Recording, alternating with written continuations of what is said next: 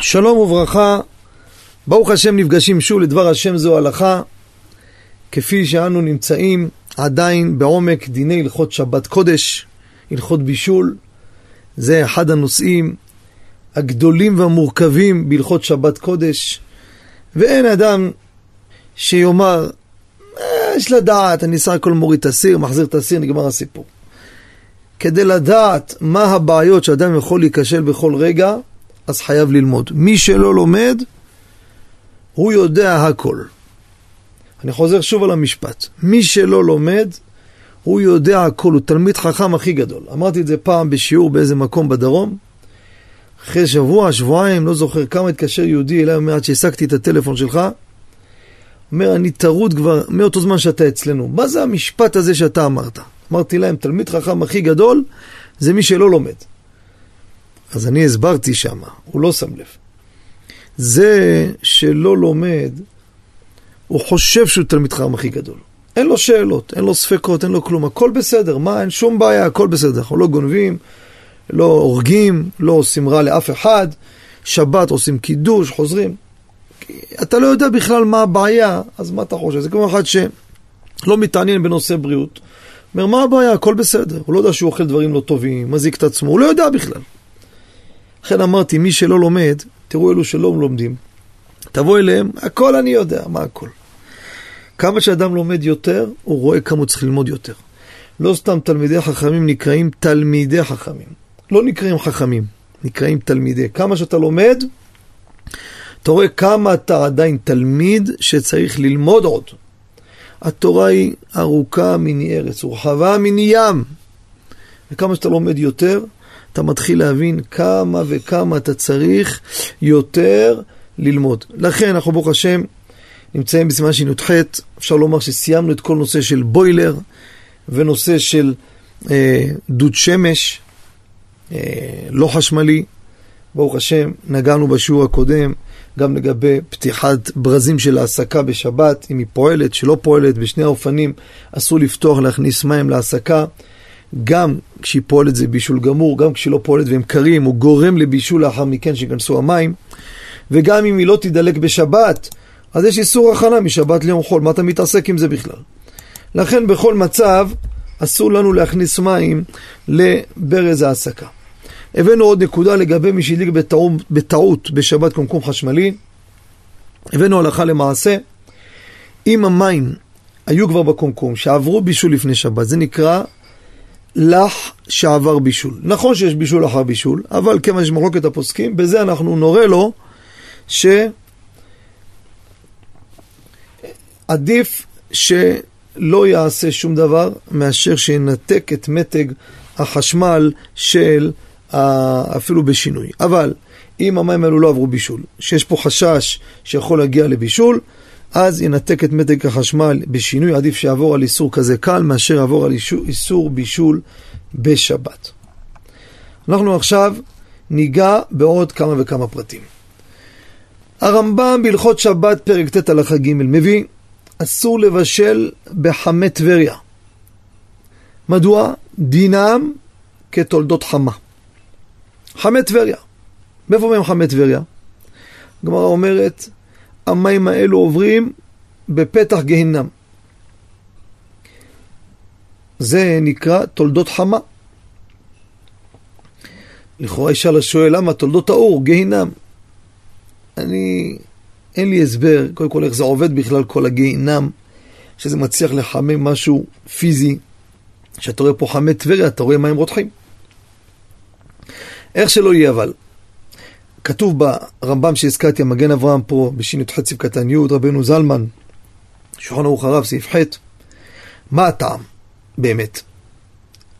הלכות קטנות, בחלק א', סימן קפ"ט, מביא אותו ציץ אליעזר, חלק א', סימן כ', מביא, הרי שאלנו פה שאלה, הרי זה, המים עוברים בפתח גיהינם, זה תולדות האש, לא תולדות החמה. אף שגם תולדות חמה, גם כן אסור. השאלה אם זה דאורייתא, תולדות האש או דה רבנן. אומר, כיוון שיש סוברים שחום המים היא גופרית, שבהם עוברים המים מתחממים. לכן זה רק נקרא תולדות חמה, שזה ודאי מהשמש. אדם בישל מאכל בחמי טבריה לפני שבת. בישלין התבשל לו, לקח מים מחמי טבריה, איפה שיוצא המים, שם זה מים אש. בישל ביצים לדוגמה, שבת עכשיו רוצה לשים את זה ב... על הפלטה למשל. הלכה למעשה, אומר פרי מגדים, משבצות זהב סעיף קטן ו', אין בזה בישול נוסף. נכון, תשאל אותי, אבל בהתחלה זה לא בישול שהיה באש, מה זה משנה? זה התבשל. אין בישול שוב באש לאחר בישול זה, ואין בזה בעיה של כמובן, שאתה עושה באופן שנראה כבישול, לא על אש ממש, כמו שאמרתי, כנגד האש, כמו פלטה וכולי. כמו כן, אסור לעשות כבושים בשבת. לכבוש ירקות, זה דומה למבשל. האיסור מביא כלכלת שבת בל"ט מלאכות, אות י"א, יש אומרים משום מעבד, יש אומרים משום מכה בפטיש. אנחנו בעזרת השם ניגע בסימן שכ"א יותר, שם עשיית מי מלח, למלוח, לכבוש, שם נאריך בזה בעזרת השם בצורה יותר מקיפה. אבל, אומר הפרי מגדים, הרי ידוע כבוש כמבושל. מה זה כבוש כמבושל? אדם לקח דבר, שם אותו, כבש אותו במים, ככה, מאכל, השאיר אותו שמה 24 שעות, זה נקרא כבוש. כבוש זה לא דווקא עם מלח, עם חומץ. יש כבוש שנעשה מיידי, אם זה משהו ששופכים אותו לארץ הוא מיד מרתיח, זה כבישה אחרת. אבל כבוש בדיני איסור והיתר, כבוש דינו כמבושל. זה נקרא כמו מבושל. לגבי הכשרה של פסח, בשר בחלה ועוד. אומר, אבל לגבי בישול אחר בישול. אדם לקח דבר יבש, ביצה, כבש אותה. אדם לקח איזה ירק קשוח, קשיח, דהיינו יבש נקרא, כבש אותו. האם בשבת יכול לשים אותו על הפלטה ולהגיד, תשמע, אה, הוא מבושל כבר. אומר, אומר זה לא נקרא מבושל. ויש בישול אחר בישול. כך כותב הפרי מגדים פה בש"ח במשבצות, במשבצות זהב זה קטן ו', כי הכבוש, נכון שדינו כמבושל, אבל הוא לא עבר תהליך של בישול אמיתי. חמי טבריה, שם אין בישול אחר בישול, כי זה עבר משהו מהותי. החום הזה הביא אותו לריכוך ולרמת בישול שזה ראוי. כיוון שזה כך, אז אין בישול אחר בישול. אבל פה, נכון מבחינה דינית, זה נקרא כבוש כמבושל, אבל זה לא עבר תהליך של בישול גמור. קח מלפפון שכבשת אותו 24 שעות, אחר כך תבשל אותו במים, ודאי שעשתה פה פעולה נוספת, זה לא אותה פעולה שהייתה. זה לגבי הדבר הזה. עכשיו, אני רוצה לנגוע בעוד נקודה. נגענו שבישול בחמה מותר. בישול בחמה מותר. עכשיו, מה קורה אדם שמבעיר אש בשבת על ידי זכוכית מגדלת? תכף נדבר על בישול, אני רוצה לדבר כרגע על האש. לוקח זכוכית מגדלת ומייצר אש על ידי השמש. מרכז את קרני השמש, על ידי ריכוז נהיה ריבוי חום על נייר, ואש, אה, יוצאת אש.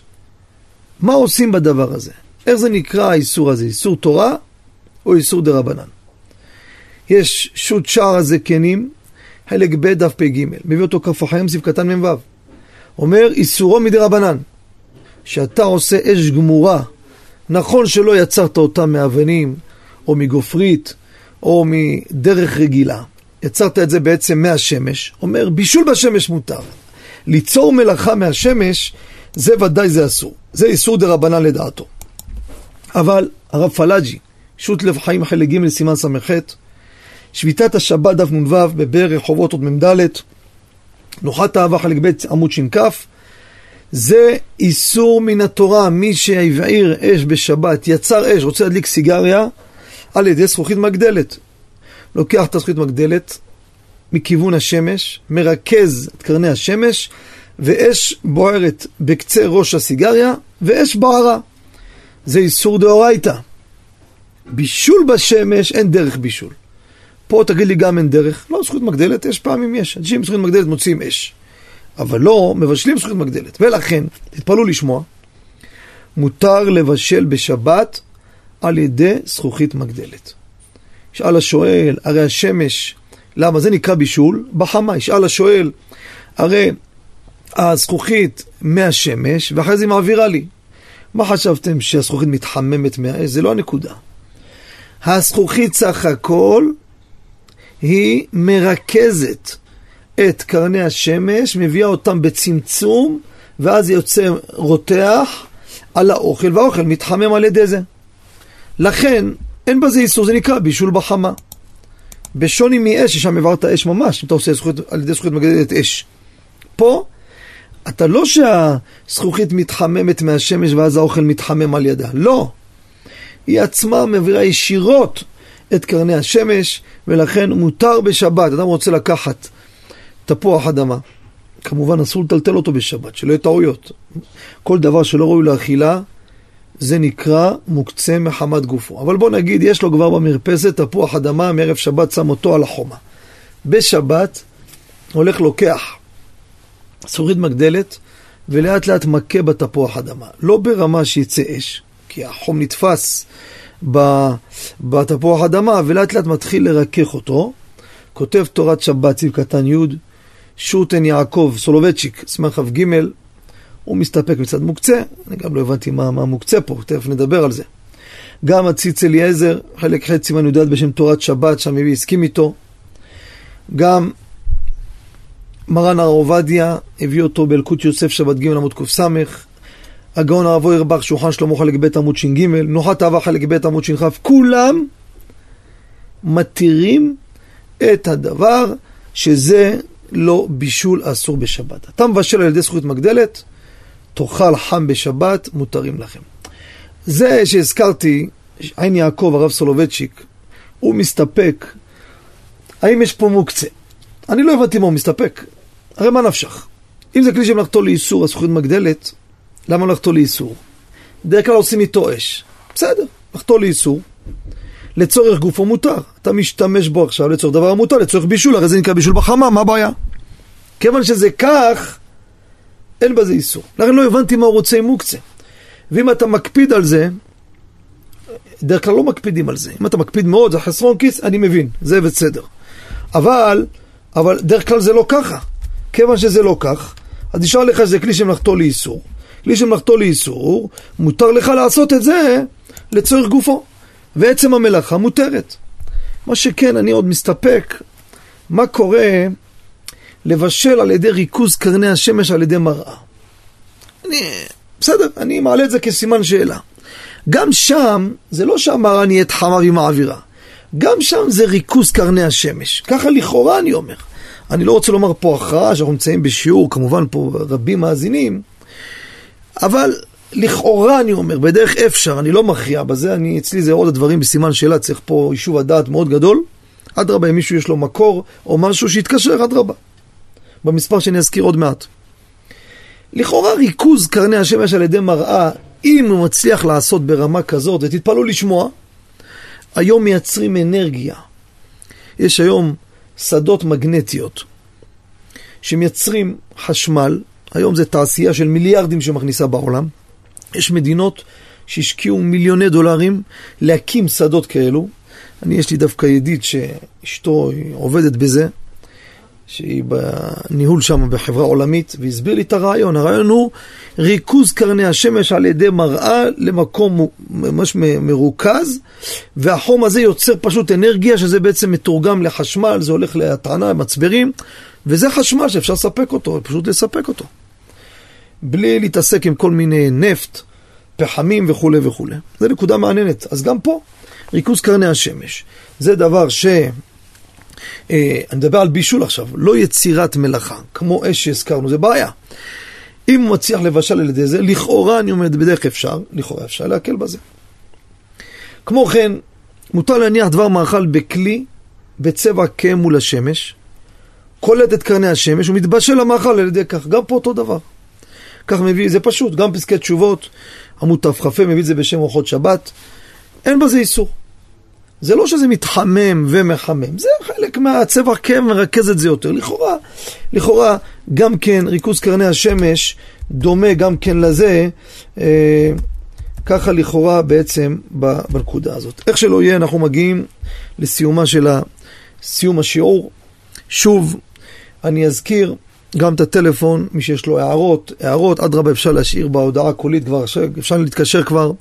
אלו שרוצים את הספר שבשעה טובה ומוצלחת יצא, האיחוד בהלכה, אפשר להתקשר, ישלחו לכם הביתה, ספר מקיף, כריכה קשה, הלכה למעשה לספרדים ואשכנזים, כל האקטואליה, כל הפטנטים, איך להתמודד עם שאלות בהלכות איחוד, אם זה במשרדים, בנסיעות לילה, קרובות משפחה, עם גיסות, עם ילדים, נערים, נערות, בייביסיטר, יש המון המון שאלות. במעליות, כל זה צריך לדעת, וחייב לדעת את הדברים האלו.